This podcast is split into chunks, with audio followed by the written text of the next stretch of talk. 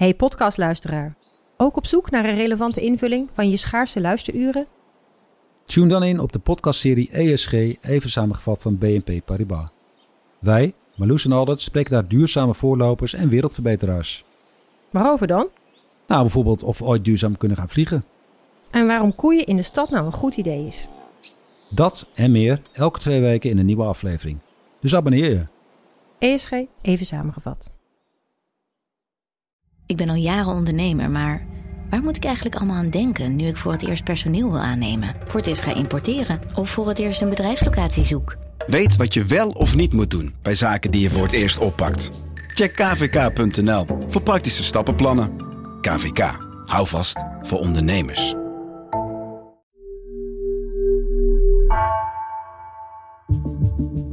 Vanaf de redactie van NRC het verhaal van vandaag. Mijn naam is Floor Boon.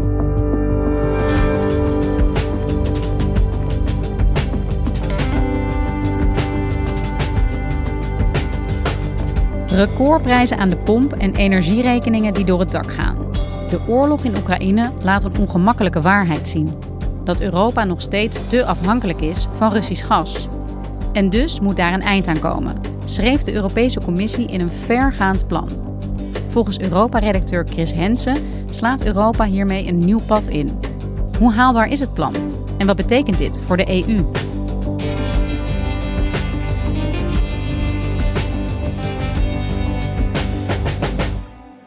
De oorlog in Oekraïne zorgt voor een grote stijging van de prijzen voor olie en gas. Dat heeft u vast wel gemerkt bij het tanken. Een liter benzine is nog nooit zo duur geweest. De prijs van gas nam 60% toe ten opzichte van gisteren naar 194 euro per megawattuur. Vanmorgen kostte gas even zelfs 335 euro per megawatt. Om daarna te stabiliseren rond de 230 euro. En ook de benzineprijs blijft stijgen. Vanaf vandaag is de adviesprijs voor een liter benzine meer dan 2,41 euro. En dat is 6 cent duurder dan gisteren. De hele wereld merkt hier de gevolgen van. Maar bijna nergens ter wereld is de benzineprijs zo hoog als bij ons. 2,49 euro. Auw.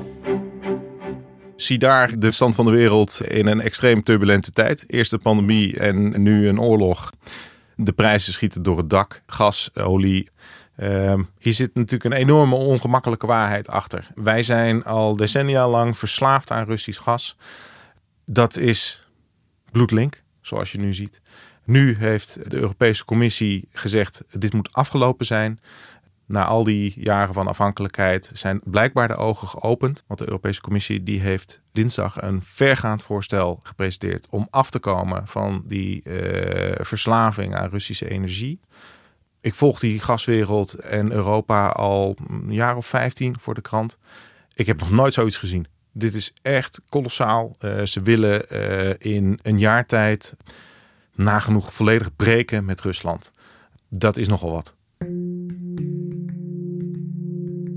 Ja, Chris, gezien deze Russische agressie nu in Oekraïne, heeft Europa besloten zich te ontkoppelen en uh, minder of zelfs niet meer afhankelijk te worden van Russisch gas. Wat houden die plannen dan precies in? Ja, er lag eigenlijk al een behoorlijk omvangrijk energieplan, waarin we ook minder afhankelijk zouden gaan worden van Russisch gas, de klimaattransitieplannen. Daar wordt nu de turbo op gezet en dat gaat heel ver. We importeren jaarlijks 155 miljard kuub gas uit Rusland op dit moment. Daar moet één jaar tijd, in de rest van dit jaar, het is niet eens één jaar, uh, 100 miljard van af. Dat is twee derde. Dat gaan we doen, denkt de commissie althans, door uh, ander gas te gaan kopen van andere leveranciers, de Verenigde Staten, Qatar. Ze willen dat doen door nog meer en nog sneller te gaan verduurzamen. En ze willen het doen door aanzienlijke energiebesparingen de ambities die de Europese Unie eerder had, die waren al extreem hoog. En nu zegt de commissie, daar moet nog een tandje bij. Dus um, het is nu aan de lidstaten om hier zelf een mening over te gaan vormen. De commissie die heeft een, eigenlijk een plan gepresenteerd. We hebben een paar ideeën hierover. Jullie moeten hier nu akkoord op gaan geven of niet, of dingen mee gaan doen. Nou, dat het moeilijk wordt, dat weet de Europese Commissie zelf ook. Frans Timmermans, die dit plan heeft gepresenteerd, die zei... We can replace 100 BCM of gas imports from Russia. That is two-thirds of what we import from them. Two-thirds by the end of this year. It's hard, bloody hard, but it's possible. Ik heb in 2006 en in 2009 voor de krant uh, eerdere gascrisis gevolgd tussen Rusland en Oekraïne. Toen al kwam dat vraagstuk op de agenda te staan, omdat er gevolgen waren in Oost-Europese en in West-Europese lidstaten van die ruzie. In de jaren daarna heeft men geprobeerd af te bouwen. Um, je moet je voorstellen dat de energieafhankelijkheid van Rusland toen op ongeveer 60% zat. 60% van al het gas dat wij importeerden in die tijd kwam uit Rusland. Dat is mega veel. In alle jaren daarna hebben we dat weten af te bouwen tot, nou ja, nu gemiddeld 40%. Dat is best een prestatie, maar het is nog steeds schrikbarend veel. En het is niet heel erg veel voortvarender gegaan, omdat we tegelijkertijd allerlei initiatieven aan het ontplooien waren om ons weer verder aan Rusland vast te ketenen. Uh, Duitsland uh, was een trekker van uh, Nord Stream. Die Nord Stream 1 pijpleiding is echt een slagader voor gas. Daar gaat heel veel doorheen. Daarna wilde Rusland of Duitsland samen met Rusland er nog eentje bijbouwen. Nog meer afhankelijkheid. Um, die Nord Stream 1 pijpleiding was al omstreden. En die Nord Stream 2 pijpleiding is dat vanaf het begin eigenlijk net zo geweest.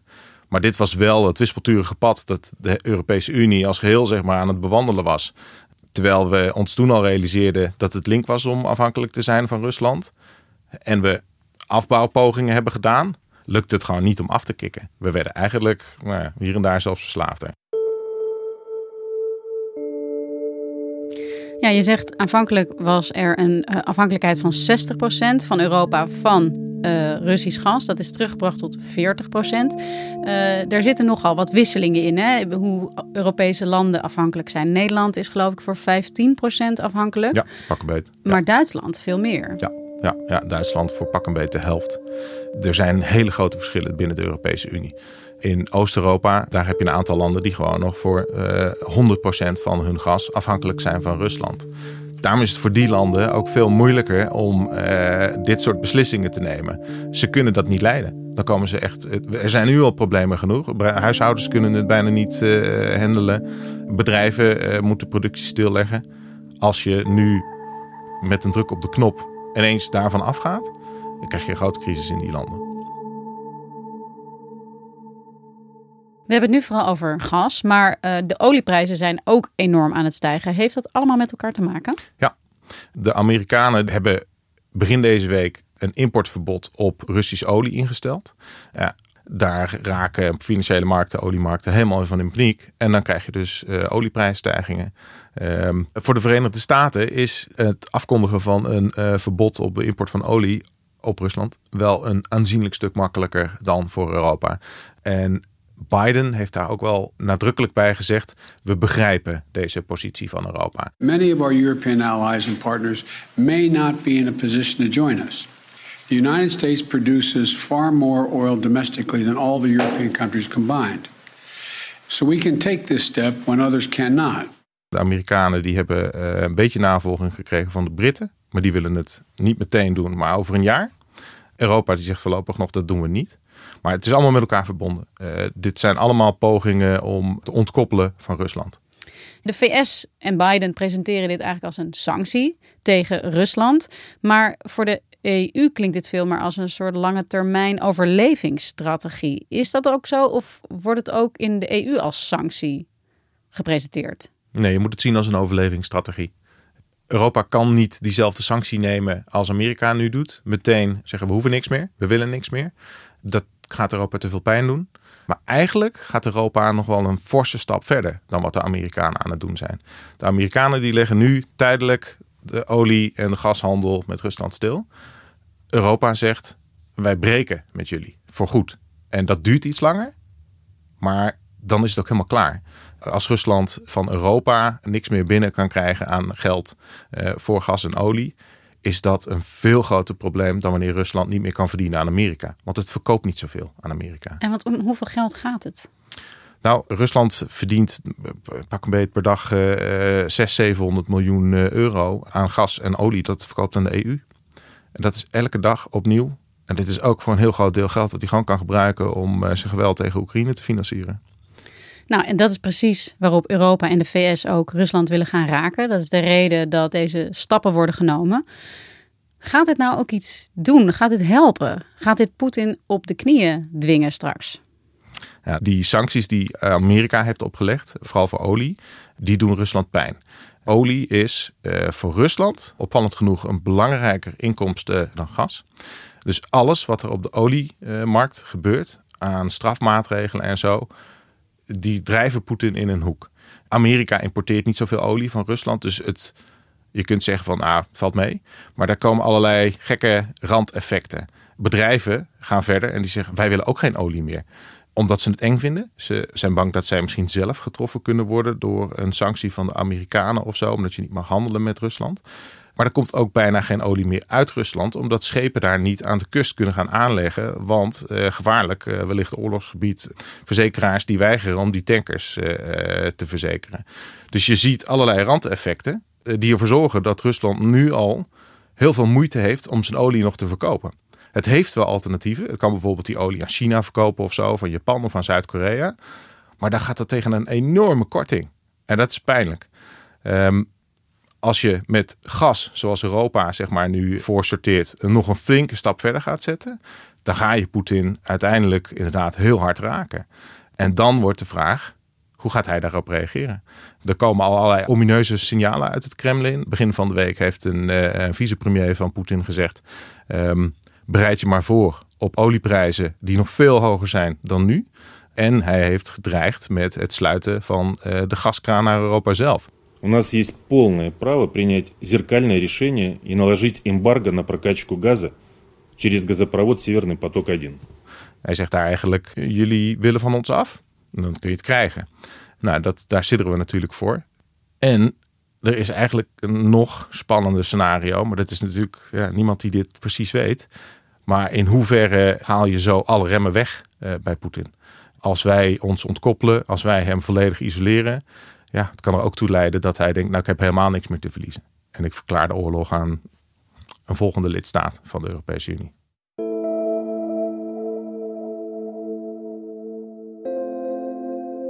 En Chris, vanuit Europees perspectief is dit een hele noodzakelijke stap eigenlijk. Na jarenlang afhankelijkheid en met terugwerkende kracht misschien ook wel enige naïviteit. Dat er toch uh, gewoon zaken te doen was met een land als Rusland en met een leider als uh, Poetin. Ineens gaan alle remmen los. Waarom kan die ontkoppeling in dit tempo nu ineens wel? Ja, we zijn inderdaad echt jarenlang naïef geweest. Europa is jarenlang naïef geweest. Ik denk dat de oorlog een soort wake-up call is geweest. Ook voor de pragmatici of mensen die het commerciële belang toch uiteindelijk ook wel heel belangrijk vonden. Want dat heeft hier natuurlijk op de achtergrond altijd enorm gespeeld. Ik denk dat Europa eh, als collectief nu is gaan inzien dat het echt niet werkt, dat engage uh, van Poetin. En je ziet dat politiek in ieder geval alle neuzen wel die kant op beginnen te staan in Europa. Maar dan komt inderdaad de vervolgvraag: kan het ook echt? En daar zit, denk ik, nog veel, veel onzekerheid.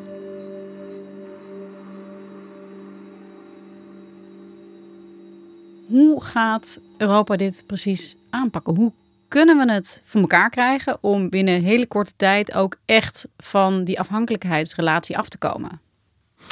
Ik denk dat het heel complex gaat worden. Misschien wel onmogelijk uh, om het zo snel te doen. Extra uh, vloeibaar gas uit andere landen halen. Daar werkt de Europese Commissie al iets langer aan. In de aanloop naar alle uh, problemen waren ze al bezig met een soort noodplan. Dat is vreselijk moeilijk. Want die markt die wordt helemaal bestormd door allerlei partijen, eh, waaronder Aziatische. En die hebben diepere zakken. En die kopen dat gas weg eh, voor de neuzen van de Europeanen. En als je het hebt over de verduurzaming, eh, extra zonnepanelen, eh, warmtepompen, meer elektrische auto's daar zitten zoveel knelpunten. Er zijn geen monteurs te vinden op dit moment die die warmtepompen aan kunnen sluiten. Of zonnepanelen op daken te zetten. Uh, de grondstoffen voor uh, die lithiumaccu's in elektrische auto's en zo. Die zijn niet aan te slepen. Peperduur. Iedereen zit daar op de azen. Um, ik denk dat het heel veelzeggend is dat Frans Timmermans interviews ging geven na afloop van uh, de presentatie van zijn voorstel. Hij trekt dit. Um, met zijn eigen elektrische auto stil kwam te staan omdat hij leeg was en er geen laadpaal in de buurt was. Dit is een issue. Als we willen gaan verduurzamen, um, dan hebben we daar zoveel grondstoffen, materialen, geld, mensen uh, voor nodig om dat te verwezenlijken. Dat is een, uh, een, een monsteroperatie. En een andere oplossing die ook wel vaker wordt genoemd, namelijk Groningen. Is dat nog echt een realistische ja, alternatief, in ieder geval voor de korte termijn? Nou, de commissie noemt dit niet expliciet in uh, zijn plan. Dit is wel een vraag die op tafel ligt. En dit is een vraag die steeds opnieuw op tafel komt. Uh, hoe erg dat ook is voor de Groningers, is het een variant waar je aan kunt denken. De Groningers zelf die gaven in een opiniepeiling afgelopen weekend aan uh, dat zij uh, in meerderheid wel bereid zijn om uh, te accepteren dat de, de, de, de velden weer open gaan, mits dat veilig kan gebeuren. En dan de financiën. De energierekeningen van individuele burgers worden al zo ongelooflijk hoog dat ja, mensen nauwelijks meer kunnen betalen. Maar dat is nog even los van het geld dat zo'n enorme snelle omslag in die energietransitie gaat kosten. Hoe gaat dit betaald worden? Tijdens de pandemie uh, is er heel veel discussie geweest over uh, gezamenlijke leningen aangaan als Europa. Dat is uiteindelijk wel gebeurd. Is dat nu ook weer uh, wat op tafel ligt? Ja, ja helemaal. Um, als je dit versneld wil gaan doen, um, miljoenen extra zonnepanelen al de komende jaren op daken en zo plaatsen, dan kost dat waanzinnig veel geld. En Uiteraard wordt er meteen, net als bij de pandemie, naar de Europese Unie gekeken. Het hele eh, omstreden idee van gezamenlijk schuld aangaan als Europese Unie. Wat altijd gevoelig lag, hè? want lidstaten willen niet dat ehm, wij geld lenen om uh, de Italianen te helpen en zo. Dat vinden we hier in Nederland heel vervelend. Al helemaal dat wij dan borg staan voor een schuld die zij aangaan. Dat taboe daarop werd doorbroken in de pandemie, omdat men realiseerde: ja, dit gaat zoveel geld kosten. Um, het kan niet anders. Maar nu ligt het opnieuw op tafel. Er wordt nu in Versailles over uh, onder andere uh, ja, die Europese obligaties gesproken om geld op te halen om de, de, impact van de oorlog te gaan verzachten en die transitie te financieren. Omdat het nou, de enige mogelijkheid is. Uh, ja, omdat een aantal lidstaten zeggen: we kunnen dit helemaal niet betalen onze schatkisten zijn al leeg. We hebben al torenhoge schulden. Dus um, help ons. Ja, daar zeggen nu al uh, Nederland en Duitsland pontificaal nee tegen. Rutte die zei het zo dat je kon denken van nou misschien dat er later nog wat gaat schuiven in zijn, uh, zijn houding. But now at this moment, uh, also the Netherlands and other countries have to look into their purse, what they need to do. So I would say let's make first use of the existing instruments to the max. And, and keep on dialoguing about what we need to do more. Voorlopig zijn Duitsland en Nederland en een aantal andere lidstaten, westerse lidstaten, zijn een beetje altijd dezelfde, uh, best wel sceptisch over dat idee van gezamenlijk schuld aangaan. Maar het pro-kamp heeft wel wind mee uh, als gevolg van uh, die oorlog. Ja, want iedereen wordt hierdoor getroffen. De energierekeningen gaan nu al door het dak heen. Hoe lang gaat dit duren, denk jij? Ik denk dat je ehm, het belang hiervan niet kunt onderschatten.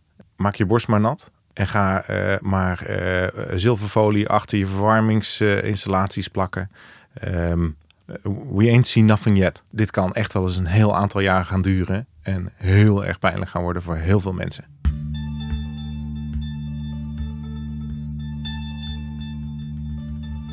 En in de tussentijd en op de lange termijn is dit wel een hele grote stap in die al zo lang gewenste energietransitie, die nu onomkeerbaar is geworden. Ja, dat denk ik wel. Als je Rusland nu gaat dumpen als leverancier, dan gaat Rusland zich uiteraard ook heroriënteren. Daar waren ze al mee bezig. Ze waren al naar China aan het kijken. Ze waren al pijpleidingen aan het leggen om bijvoorbeeld met China veel meer zaken te kunnen doen. Die landen die zoeken elkaar nu ook op in deze oorlog, in deze crisis. Dat gaat alleen maar uh, verder die kant op. Dus dan neem je afscheid van elkaar. Dankjewel, Chris. Graag gedaan.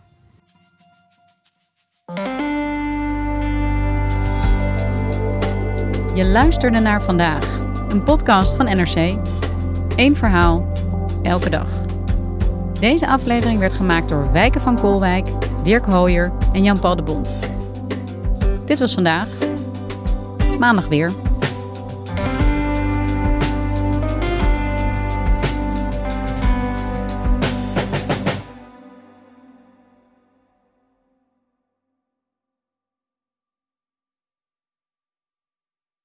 Technologie lijkt tegenwoordig het antwoord op iedere uitdaging.